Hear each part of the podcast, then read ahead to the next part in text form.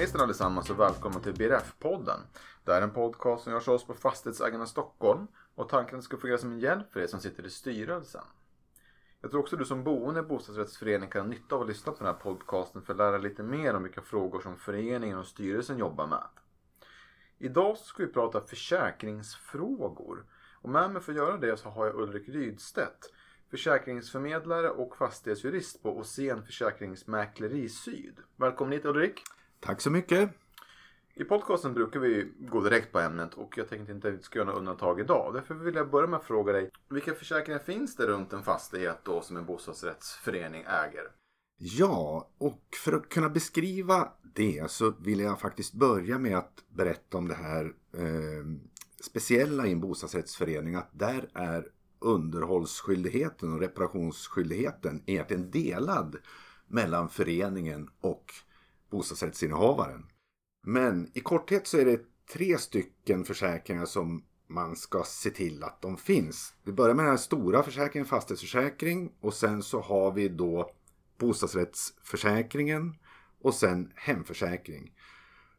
Och då vill jag börja med hemförsäkringen lite kort. Därför att den innehåller ett par moment som är rätt intressanta. Försäkringen i sig den, den ersätter skador då på den boendes lösa egendom.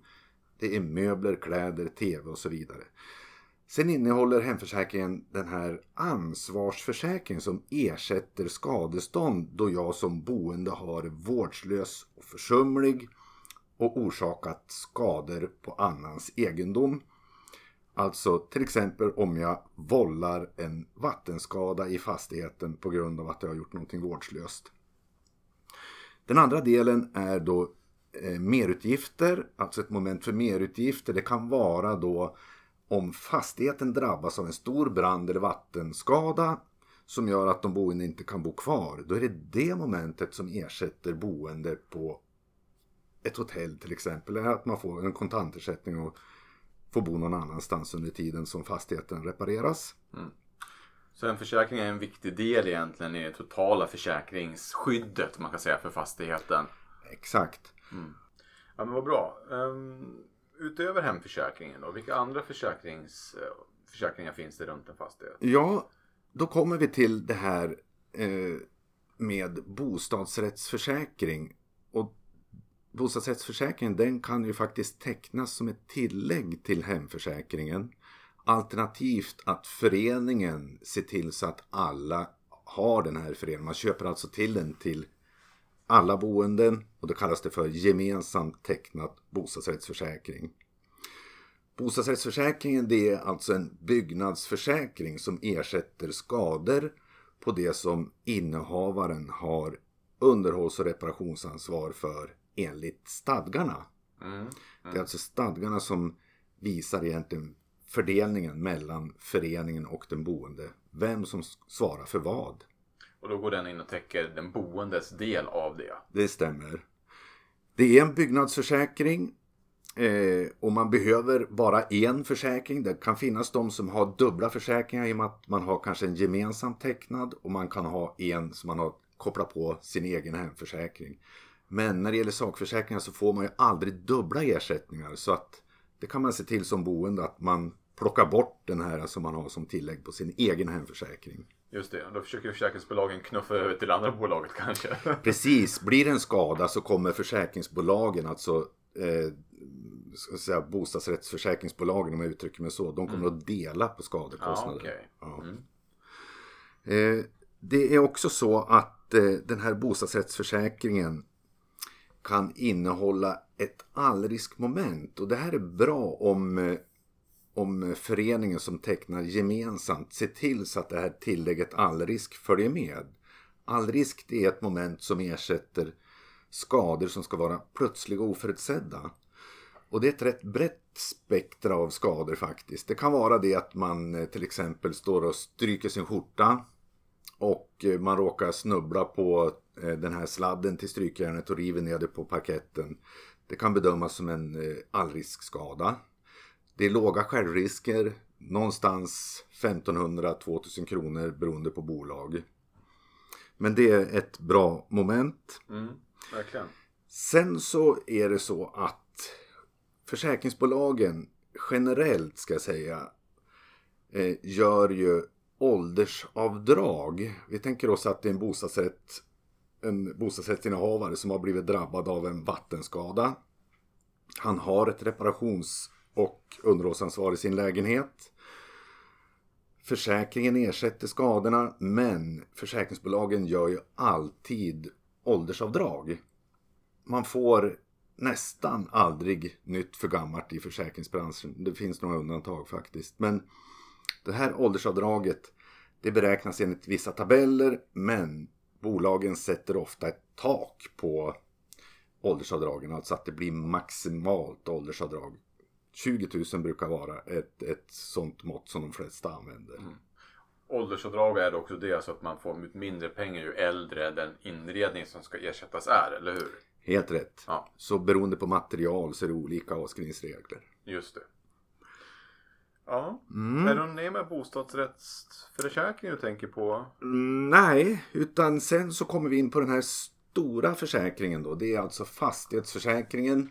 Den som ersätter skador för det som föreningen har underhålls och reparationsansvar för. Den försäkringen har högre självrisker. Ofta så brukar självriskerna ligga upp mot ett halvt basbelopp, alltså 22 200 kronor någonting sånt. Men det finns också föreningar som har kanske ett basbelopp och vissa har två basbelopp. Och ju högre självrisk man har, ju lägre premier får man då. Så vad är det att föredra för en bostadsrättsförening när man tecknar en fastighetsförsäkring? Ska man sträva efter att ha en låg premie och kanske en högre självrisk eller vice versa? Ja, det där är ju en smaksak, höll jag på att säga. Kanske också en förhandlingsfråga. Är man en flerskadevållare, en förening som har många vattenskador till exempel, då kan det vara svårt att förhandla till sig en, en eh, lägre självrisk. Men har man en ny förening eller en förening som är inte så skadedrabbad, då är det ju en fördel naturligtvis att ha en högre självrisk. För då pressar man ju premien och får en långsiktigt bättre ekonomi då i föreningen. Det blir helt enkelt en lägre försäkringskostnad över tid. Mm. Och om man är osäker i förening så antar jag att det är en god idé att titta på sin skadehistorik och försöka göra en utvärdering. Helt rätt. Mm. Ja men jättebra. Ja, i den här fastighetsförsäkringen så finns det ett antal moment. Det som alla svenska försäkringsbolag erbjuder som standard om jag uttrycker mig så. Det är ju naturligtvis brand, inbrott och vattenmomenten.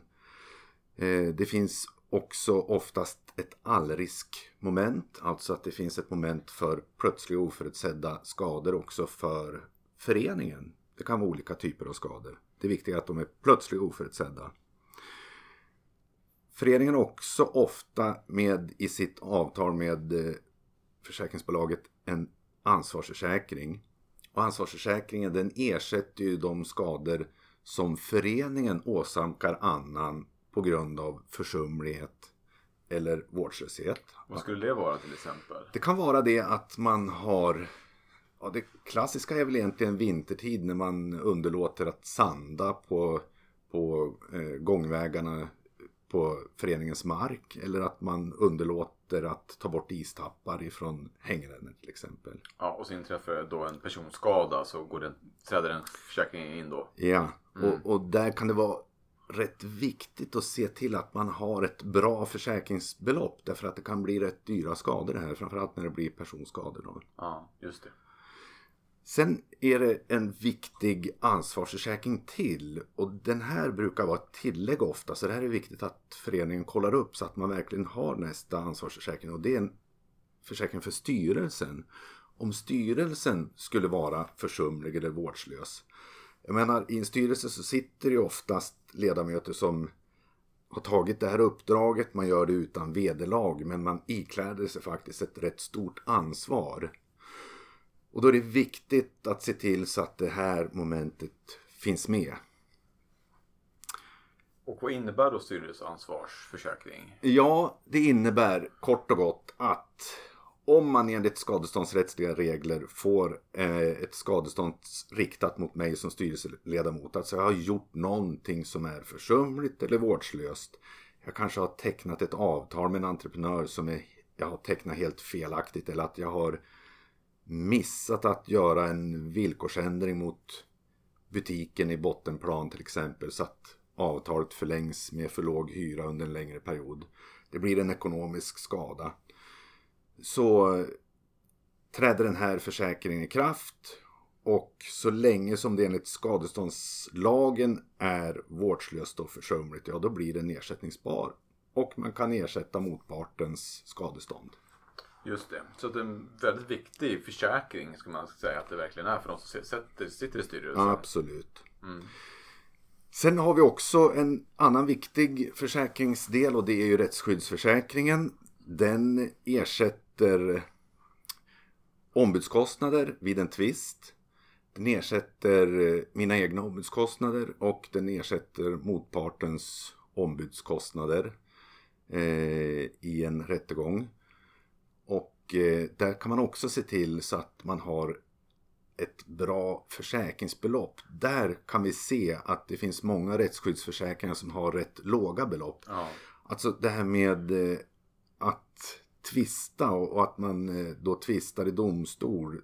Det tenderar att bli rätt kostsamma historier faktiskt. Ja men precis, jag vet också att förverkande ärenden, det vill säga att man försöker få en lägenhet tvångssåld för att man vill att någon ska flytta på grund av till exempel upprepade störningar. Sådana mål går upp i tingsrätt och det kommer vara ganska kostsamma mål, långa mål som dessutom kan överklagas. Precis. Och då är det ju väldigt jobbigt förstå när rättsskyddet tar slut mitt i den processen. Ja, jag menar det. Och än värre är ju om man förlorar ärendet och då ja. ska man ju stå för motparten, motpartens kostnad. Just det. Mm. Nej, viktigt. Jättebra tips.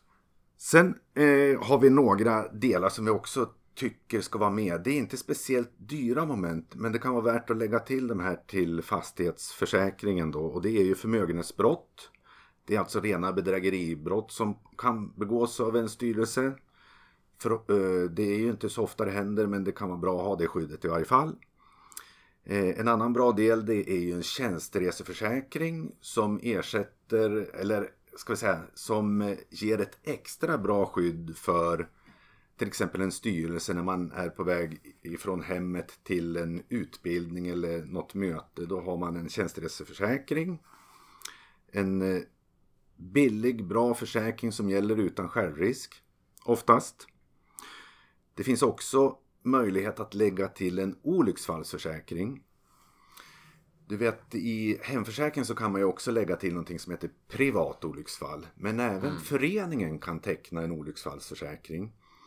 Och den kan gälla både för alla boenden och den kan också gälla för alla som är besökare till boenden. Aha.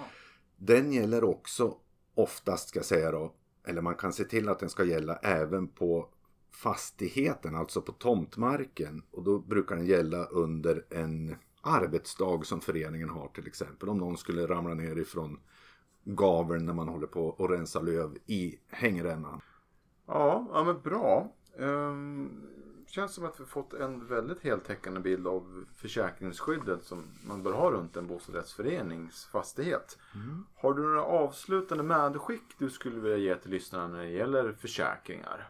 Ja, det är väl det att eh, vi brukar säga det att ofta så köper man en försäkringslösning men man har egentligen ingen koll på vilka moment man har. Det jag har pratat om idag det är några moment, det finns många fler men kolla gärna igenom så att ni har de här viktiga ansvarsförsäkringarna framför allt.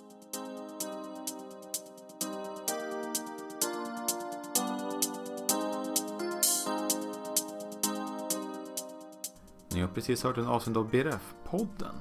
Slutet på avsnittet blev lite plötsligt för jag missade att spela in när jag och Ulrik sa tack och hej till varandra. Men jag tror det fungerar i alla fall. Det här avsnittet och tidigare avsnitt kan ni hitta på Soundcloud.com, iTunes och Podcaster. Och med det vill jag tacka för oss den här gången och önska på återseende framöver.